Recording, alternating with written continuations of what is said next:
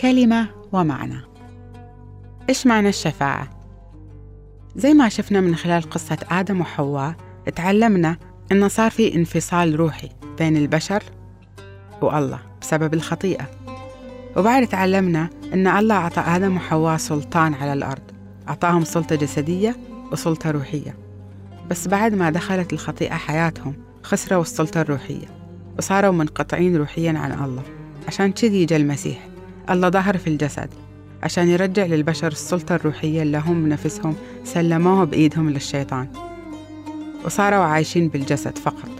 فشفاعة المسيح للبشر فيها استرداد لحقوق البشر اللي الله أصلا هو كان عاطنها البشر من البداية. فبدون المسيح وموته على الصليب وقيامته ما في غفران خطايا وما في شفاعة.